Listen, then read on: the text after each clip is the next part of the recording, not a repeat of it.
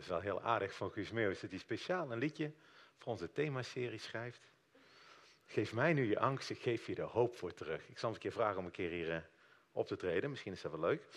Maar dit is precies het thema vandaag, als we het gaan hebben over hoop. Als je bang bent, als je angstig bent. En, uh, en dat is alweer het vijfde deel van, de, van deze serie. Hè? En misschien zit je hier vanochtend en je, en je kreeg bij de ingang het programma uitgereikt. En je zegt, hey, we gaan het hebben over bang zijn, over angstig zijn. Ik ben niet bang, ik ben nergens bang voor, ik ben nergens angstig voor. Um, en dan denk je misschien dat dit thema niet voor jou is. Misschien ben je iemand die zich niet snel bang laat maken. Uh, bij ons thuis, hè, met kleine beestjes en zo, en, en donker, dan, uh, dan beginnen alle hoop dames te gillen. Maar bang zijn is veel breder dan kleine beestjes of, of in het donker. En de meeste mensen die ik ken, als ze eerlijk zijn, geven ze toe dat ze wel bang zijn voor dingen. Um, Sommige mensen hebben laatst een cursus gehad eh, bij ASML en dan moesten we nadenken over onze grootste angst. En dat is best confronterend. En die moest je op een blaadje schrijven. En je moest met dat blaadje moest je rondlopen met je grootste angst erop. Dat is best confronterend. En dan zie je dat mensen bang zijn om niet geaccepteerd te zijn. Dat ze bang zijn dat ze niet geliefd zijn door anderen. Dat hun werk niet goed genoeg is. Dat ze wel hard werken, maar dat het niet, andere mensen dat niet, uh, vinden dat het niet goed genoeg is. Dat ze niet voldoende presteren in het leven. Dat ze geen goede papa zijn. Mannen, hè, ASML, misschien bij de vrouwen ook wel, dat ze geen goede mama zijn. Sommige mensen zijn bang voor ziek worden. Of doodgaan. Of, of in afhankelijkheid te moeten leven van anderen. En misschien is het daarom goed om daar eens met die vraag te beginnen. Om daar even tientallen over na te denken. Waar zit jouw grootste angst? Waar ben jij bang voor? Wat zou het ergste zijn wat jou zou kunnen overkomen? Waar ben je bang voor? Want ik geloof echt dat we allemaal wel ergens bang voor zijn. En de vraag vanochtend is, hoe gaan we om met die dingen waar we bang voor zijn? En we gaan opnieuw kijken naar het leven van Jacob, waar we de afgelopen week al een vogelvlucht doorheen zijn gevlogen. Jacob, de bedrieger, die zijn vader en zijn broer voor de gek had gehouden die als gevolg daarvan moest vluchten naar een ver land, op, bij zijn oom komt, die hem 14 jaar laat werken in ruil voor zijn knappe dochter Rachel, waarbij dat hij de lelijke dochter ook nog erbij krijgt. Daarna nog zes jaar moet werken om, om, om wat loon te verdienen, een kudde op te bouwen. En de vorige keer hebben we gezien dat, dat God bij Jacob was. En ervoor zorgde dat die kudde heel groot werd. Dat Jacob een rijk man werd. Maar hij is nog steeds een bedrieger. En hij is nog steeds een lafaard. Want hij rende midden in de nacht rende hij weg bij Laban. Hij vertelde niet dat hij wegging, nam al zijn spullen mee. En hij rent weg op het moment dat Laban niet aan het opletten is. En hij jaagt hem na, Laban. En dan hebben ze nog een laatste ontmoeting, daar hebben we de vorige keer naar gekeken. En dan spreken ze een grens af. Dat is het land van Laban en dat is het land van Jacob. En ze zien elkaar nooit meer. En daar waren we gebleven. Nou, wat gebeurt er nou? Jacob is op weg naar huis. En thuis denkt hij zijn vader en zijn moeder misschien nog te ontmoeten. Hij is uh, eh, 20 jaar, meer dan 20 jaar weg geweest, dus hij weet niet hoe het thuis is. Maar zijn broer woont daar ook nog.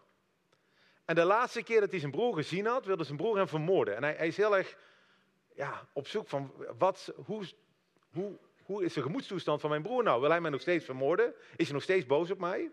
Want je weet soms dat boosheid heel diep kan gaan en heel lang kan blijven. Dus wat doet hij? Hij stuurt zijn medewerkers, zijn, zijn bode stuurt hij erop uit om te gaan kijken of ze zijn broer Esau kunnen vinden. En de boden komen terug. En daar gaan we verder lezen. Het staat ook in je programma. Het komt ook achter mij op scherm te staan.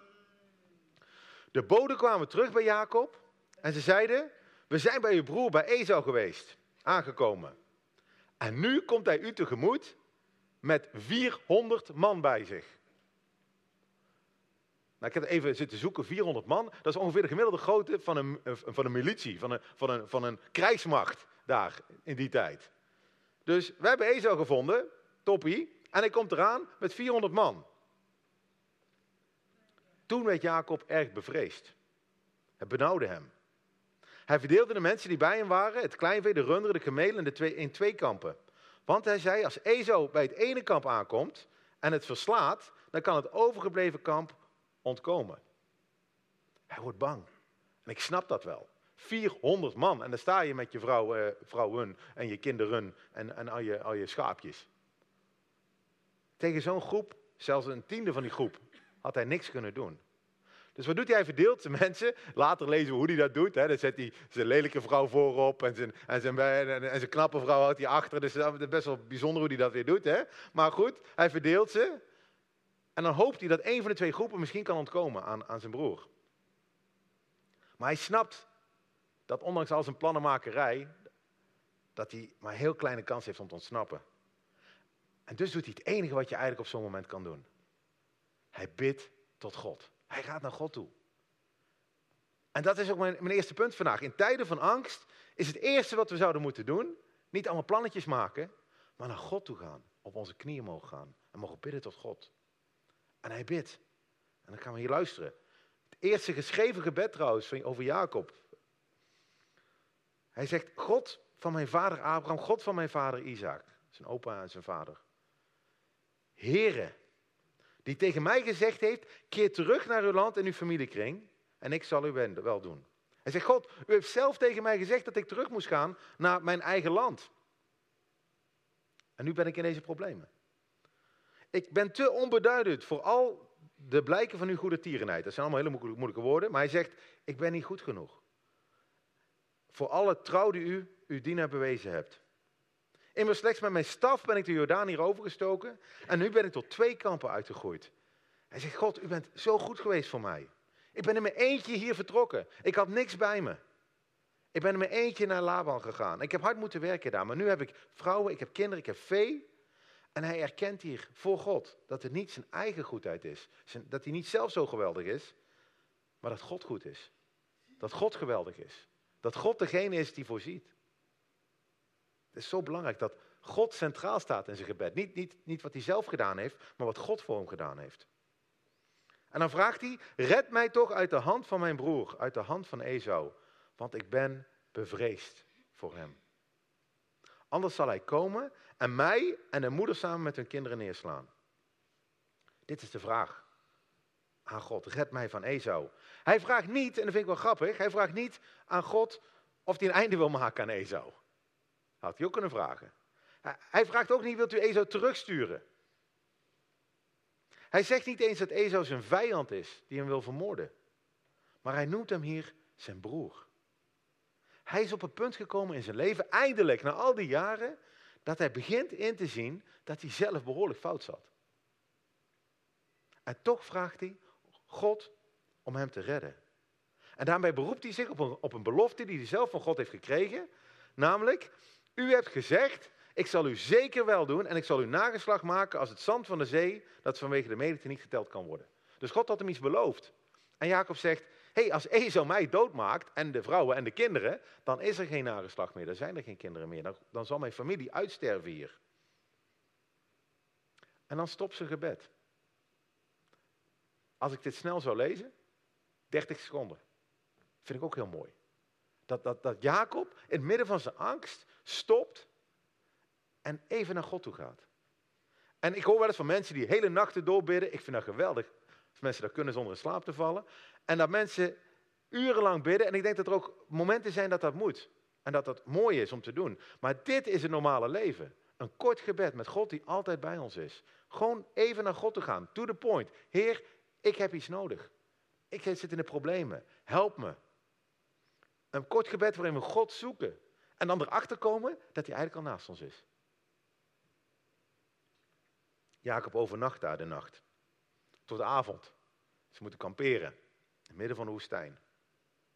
En Jacob gaat nu zelf plannen maken. En er zijn twee manieren, ik heb een hoop commentaar hierover gelezen. Er zijn twee manieren om hier naartoe te kijken. En sommige mensen zeggen, geweldig, je moet, tuurlijk, je moet en bidden en je moet plannen maken. Tuurlijk moet je dat doen. God werkt door je plannen heen. En ik, ik, denk dat dat waar is. Je kan wel thuis gaan zitten op zondagochtend en zeggen: Heer, als u wilt dat ik naar de kerk ga, dan uh, zorg dat ik uh, getransporteerd word naar de brug of zo. Ja, je moet ook in je auto gaan stappen, je moet je sleutel omdraaien. Er zijn ook dingen, er is ook een eigen verantwoordelijkheid bij. Maar de handvraag is hier, volgens mij, waar zet Jacob zijn vertrouwen op? Is het in God, waartoe hij net gebeden heeft, of in zijn eigen plannen? En ik denk dat we zo meteen zullen zien dat de kern bij Jacob is dat hij wel bidt, maar vervolgens zijn eigen plannetje afgaat. Op eigen kracht, op zijn eigen manier. En hij vertrouwt meer op zijn eigen plan. Weet je, als je bang bent, of je hebt een vraag en je gaat naar God toe, dan mag je ook vertrouwen op Hem. Dat Hij het gaat oplossen. Verwacht het van Hem. Want Jacob gaat nu proberen om Esau om te kopen. Dat gaan we nu zien. Hij nam een deel van wat in zijn bezit gekomen was als geschenk voor zijn broer Esau. 200 geiten, 20 bokken, 200 ooien, 20 rammen, 30 zogende kamelen met hun veulens, 40 koeien, 10 stieren, 20 ezelinnen en 10 ezels. Wie kan er snel tellen? 550 dieren plus nog de veulens. En vervolgens gaf hij ze aan de hand van zijn dienaren, elke kudde apart. En hij zei tegen zijn dienaren, steek de beker over voor mij uit en houd afstand tussen de kudden. Hij stuurt 550 beesten naar, naar Esau toe. Weet iemand wat de prijs van een koe is in Nederland? Google wel, 2.500 euro ongeveer. Het is 2.500. Uh, een schaap? Een paar honderd. Dit gaat over meer dan een ton, hè? Dit is echt niet, niet een klein, uh, oh hier uh, heb je een paar geitjes en wat om te maken. Dit is een ton aan waarde vandaag de dag. Dit is, is een huis dat hij opstuurt. En hij gebood de eerste, als u mijn broer Esau tegenkomt en u vraagt van wie bent u en waar gaat u heen? En van wie is deze kudde die u vooruit drijft? Dan moet u zeggen, dit is een geschenk van uw dienaar Jacob. Gestuurd aan mijn heer Esau. Zie je, hij zelf komt ook achter ons aan. En hij gebood ook de tweede en de derde en alle die achter de kudde liepen. U moet op dezelfde manier tot Esau spreken zodra u hem aantreft. En u moet ook zeggen, zie, uw dienaar Jacob komt achter ons aan. Dus wat gebeurt er nou? Je hebt een hele karavaan en, en, Esau loopt uh, door de woestijn en zo stel ik me daarvoor. En dan komen er drie kamelen en een gast met drie kamelen en dan ja, krijg je dit riedeltje. En dan komt, er, komt die gast tegen met een hoop schapen en weer het riedeltje. En dan, en cadeau op cadeau op cadeau op cadeau. En let op zijn taalgebruik hier. Hij zegt, uw dienaar Jacob. Hij zegt niet, je broer Jacob. Hij zet zich eronder. Mijn heer Esau. Zie je hoe nederig hij nou in één keer naar Esau toe gaat? Het is ontzettend belangrijk en goed. Als je fout zit, als je weet dat je fout zat en je weet dat je in het verleden fout hebt gemaakt, als je het wil rechtzetten, om je nederig op te stellen. Zeker als je niet vermoord wil worden, is het wel een goed idee. Hij zei, ik zal hem gunstig stemmen met dit geschenk dat voor mij uitgaat. Daarna zal ik hem onder ogen komen. Misschien zal hij mij ter wille zijn. Dit was zijn motivatie. Hij stuurt de BMW op als cadeautje. En dan zal hij blij van worden, Esau. En misschien zal hij mij daar niet vermoorden. Hij vertrouwt dus niet op God. Hij zegt, God, prima dat u het oplost, maar ik heb mijn eigen plannetje. Ik stuur de spulletjes op. Ik ga het zelf oplossen. Hij vindt het lastig om te geloven. Weet je, angst, als je angstig bent, als je bang bent, maakt vaak heel duidelijk waar je werkelijk op vertrouwt. Op je eigen plannerij of op God. En hoe staat dat met, met mij? Hoe staat dat met jou? Als we bidden, vertrouwen we dan er ook op dat God het gaat oplossen? Of gaan we zelf allemaal dingetjes regelen? Ik vind het lastig, merk ik. Ik vind het super lastig. Als er iets gebeurt, dan ga ik vaak vrienden bellen. Dat is het eerste wat ik doe. En dan zegt mijn vrouw, zegt, Maarten, weet je nog? Misschien eerst bidden voordat je met al je vriendjes gaat praten en uh, gaat hebben over, over hoe je dit gaat oplossen. Heb je het dan met God erover gehad, vraagt ze me dan. Ik denk, oeps, daar sta ik dan als uh, voorganger van de brug. En dan ben ik het vanzelf aan het regelen. Stoppen en bidden. Vertrouwen op onszelf is zo lastig te doorbreken. Het zit zo diep in ons. En tuurlijk moeten we ook zelf dingen ondernemen. En soms zegt God ook dat je, dat je dingen mag ondernemen. En je moet niet op je luie stoel gaan zitten en gaan zeggen dat God het allemaal wel oplost. Maar de hamvraag is, waar vertrouw je op? Op je eigen plannen? Op de eigen dingen die je doet? Of vertrouw je op God? En vraag je aan Hem wat je doet? Zo stak het geschenk, de BMW, de beek over, voor hem uit. Jacob echter overnachtte die nacht in het kamp. En diezelfde nacht stond hij op, nam zijn twee vrouwen, zijn twee slavinnen, zijn elf kinderen staat er, zijn elf zonen, want hij had er twaalf, en stak de doorwaarbare plaats van de Jabok over. Hij nam hem mee en liet hen de beek oversteken. Alles wat hij had, liet hij oversteken. Iedereen steekt het water over. Alleen Jacob blijft achter. En dit is een super moment natuurlijk in zijn leven. Hij is alleen. Niet meer aan het regelen, niet meer met zijn vrouw aan het kletsen, niet meer met zijn kinderen aan het kletsen. Hij is even alleen. En op zo'n moment kan God tot hem spreken. En wanneer is dat voor jou geweest? De laatste keer dat je echt alleen was. Dat God tot je kon spreken. Jacob blijft alleen achter en dan gebeurt er iets heel vreemds. Een man worstelde met hem. Totdat de dageraad aanbrak.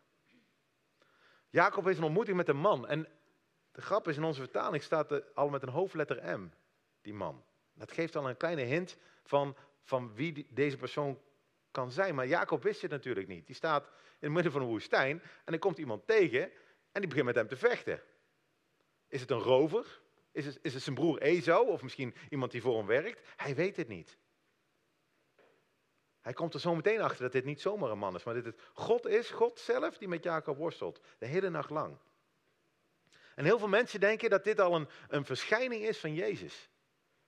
Dat is heel bijzonder, hè? want Jezus is uiteindelijk de achter, achter, achter, achter, achter, achterkleinzoon van Jacob. Dat hij nou al een ontmoeting met hem zou hebben, dat is, dat is echt heel, heel bijzonder. Maar waarom zou Jezus de hele nacht gaan worstelen met Jacob? Waarom doet hij dat? Ik denk omdat Jacob een watje is. Een, een watje die heel erg op zichzelf vertrouwde. En hij, hij, hield niet van vechten, hij rende continu weg. Van zijn broer rende hij weg, van zijn ouders is hij weggerend, van Laban is hij weggerend.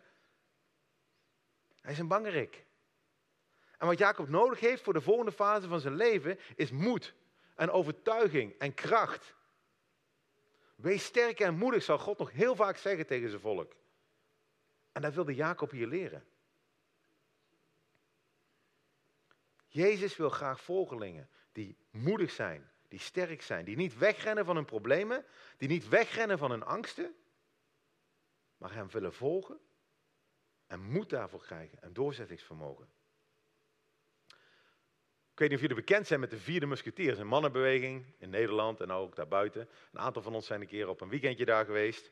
Um, om mannen hun angst onder ogen te laten zien. Om mannen te bemoedigen om sterk en moedig te zijn. Om ze doorzettingsvermogen te geven. Om laten inzien dat God, een gezin, gerechtigheid belangrijker zijn dan je carrière, je hobby's, Netflix. Om aanwezige vaders te zijn. En een van de mooiste dingen die ik daar heb meegemaakt, was onze Jabbokswandeling. En dat werd vernoemd naar deze rivier waar Jacob net overheen liep. Wij moesten tegen de rivier inlopen. Ik denk een, uh, wat was het Pieter? Half kilometer, zoiets. Vechten tegen die stroming in. En dat was onze ontmoeting met God. Uh, worstelen met God, worstelen tegen, en je kon zelf kiezen hoe diep je, tot zo diep of tot zo diep in het water ging. En dat, uh, maar dat was echt een overwinning om, en voor mij dat weekend het belangrijkste moment, om tegen die stroom in te lopen. Om te leren vertrouwen op God. En Jacob leert hij te vertrouwen op God. Niet op zijn eigen kracht, maar door Gods kracht te ervaren. En hij worstelt met God midden in de nacht. Weet je, er zijn altijd momenten dat God iets anders doet dan jij wilde. Want hij is God. En zeker als je angst hebt voor dingen die gaan gebeuren, dan doet God vaak niet datgene wat jij denkt dat hij gaat doen. Of dat je denkt dat hij had moeten doen. Of wat jij graag had willen dat hij deed. En soms doet hij dingen waarvan jij zegt, dat had hij niet mogen doen. En dat is keilastig. Het enige volgens mij en het beste wat je kan doen, is naar God gaan en hem voorleggen dat je dat zo moeilijk vindt. En hem vertrouwen. En met hem worstelen hier doorheen. Toen de man zag dat hij Jacob niet kon overwinnen, raakte hij zijn heupgewricht aan. Zodat het heupgewricht van Jacob ontwricht raakte toen hij met hem worstelde. Ik weet niet waarom Jezus niet van een 100-jarige vent kan winnen. Weet ik niet. Ehm, maar uiteindelijk raakt hij de heup van Jacob aan en moet Jacob mank verder lopen, de rest van zijn leven. Kan hij niet meer op zichzelf bouwen? Is hij afhankelijk van, van anderen en van God? En Jacob realiseert zich op dit moment, hey, dit is niet zomaar een mens. Er is geen mens die zomaar een heupgewricht kan aanraken en het kan ontwrichten. Hij realiseert zich dat dit Gods kracht is. En dat God genoeg kracht had gehad, misschien om hem te vernietigen, maar dat God zoveel van hem houdt en dat God hem wil leren om een man te worden. De man zei, laat mij gaan, want de dageraad is aangebroken. Maar Jacob zei, ik zal u niet laten gaan, tenzij u mij zegent. Hij vraagt om een zegen. Hij realiseert dit is God. En hij wil, van God wil hij een zegen ontvangen. Maar hij krijgt een heel confronterende vraag terug. God vraagt aan hem, wat is uw naam? En wat betekende Jacob ook alweer? Bedrieger. Jacob moet onder ogen zien, nu, dat hij een bedrieger is. Door een antwoord te geven op deze vraag, moet hij uitkomen voor wie hij, voor wie hij is. Zichzelf onder ogen zien met al zijn tekortkomingen. En dit is het mooiste wat je kan meemaken in je leven. Dat je voor God staat en kan zeggen, hier ben ik. Dat je tegen God kan zeggen, ik sta, hé, kijk eens, hier staat Maarten. En u kent mij. En u kent mijn twijfels. En u kent alle dingen in mijn leven die ik fout heb gedaan. Hij weet zelfs alle dingen die ik nog fout ga doen. Hij weet de puinhopen die ik achter me laat. En toch, hier ben ik. Zegen mij. Help mij op, meer op u te lijken. Wat Jacob hier niet vraagt is, verander mijn omstandigheden. Hij, hij vraagt ook niet van, mag ik overwinnen? Hij vraagt ook niet over, om controle te krijgen. Hij vraagt, zegen mij. En het lastigste, als je bang bent, als je, als je iets tegenkomt, als je onzeker bent over de toekomst, als je, als je ziekte of dood misschien in het vooruitzicht hebt, is overgave. Overgave aan God. De touwtjes uit handen laten vallen, naar God toe gaan en zeggen, hier ben ik, dit ben ik.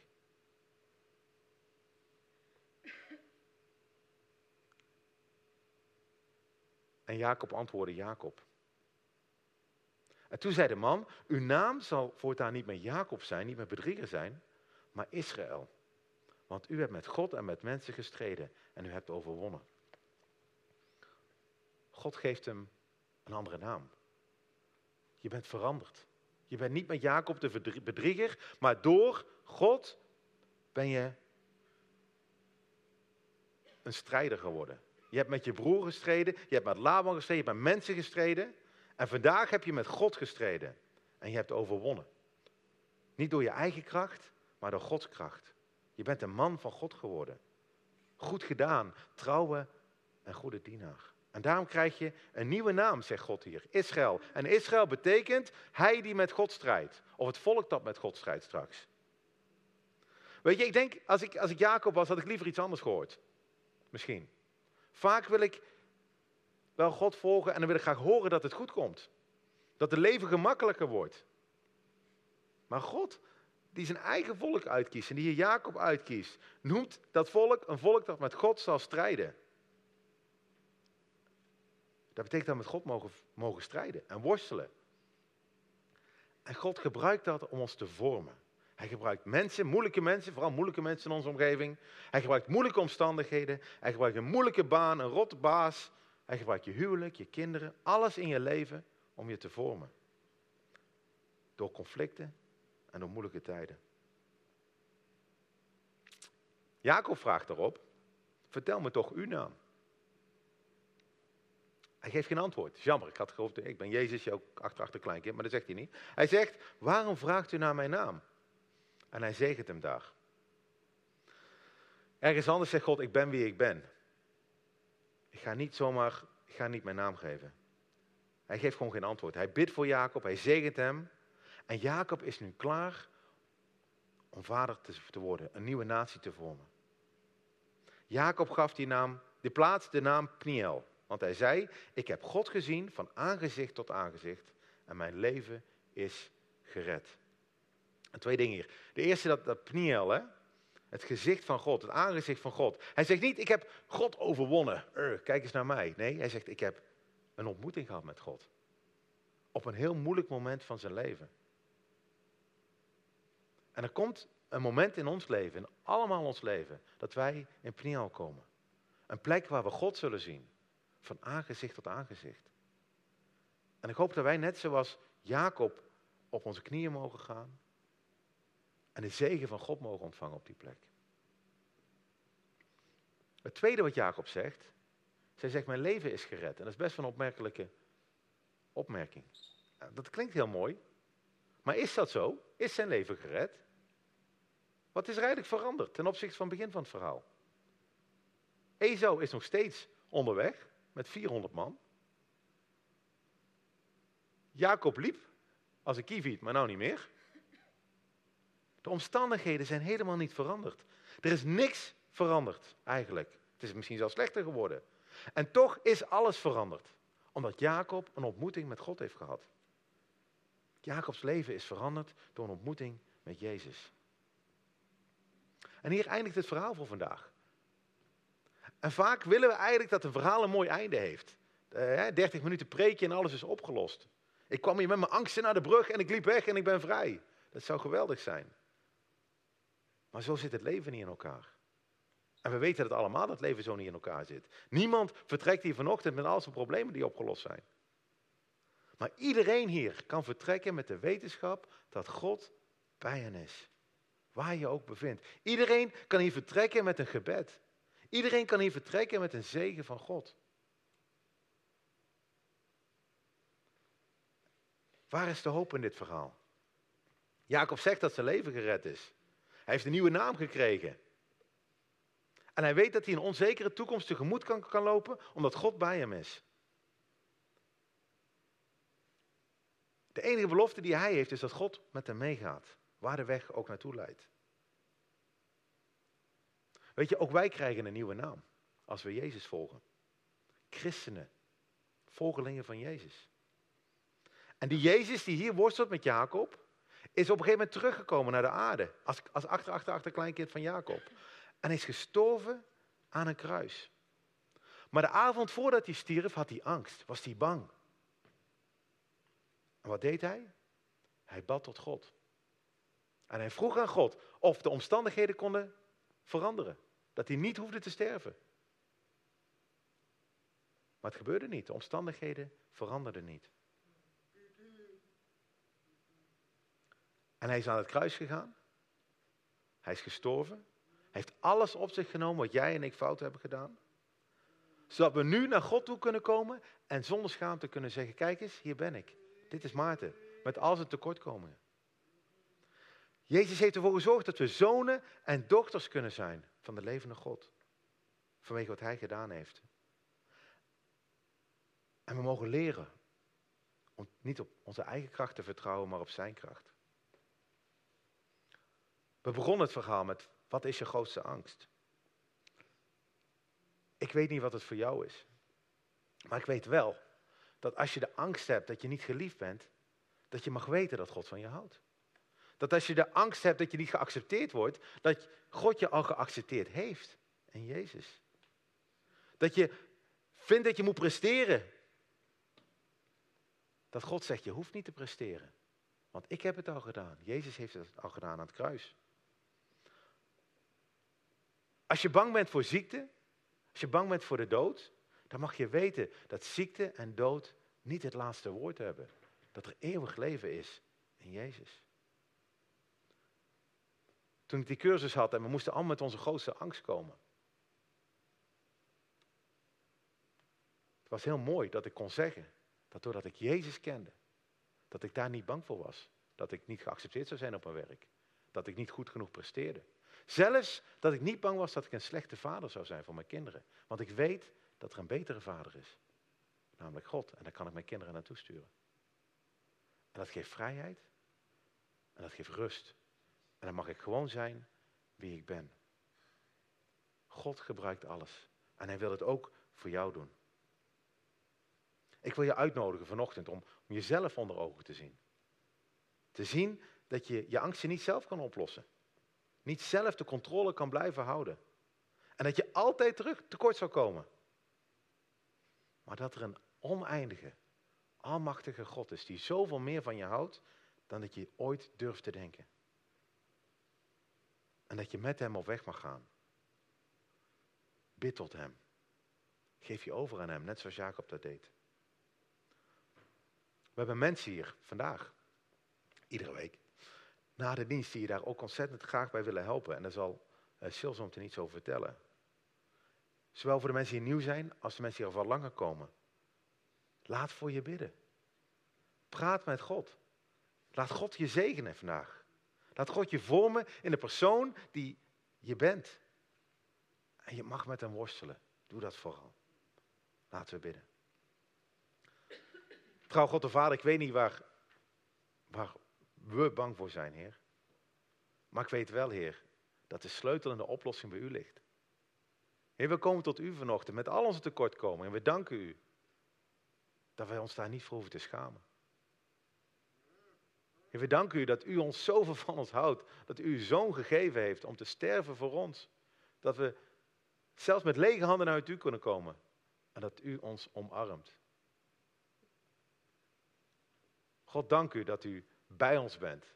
In makkelijke tijden, in goede tijden, lekker als we op vakantie zijn. Heer, maar ook in moeilijke tijden. Ik bid, Heer, voor, voor mezelf, maar voor ons allemaal hier vanochtend, Heer, dat we uw hand mogen ervaren. Op u mogen vertrouwen als we het moeilijk hebben.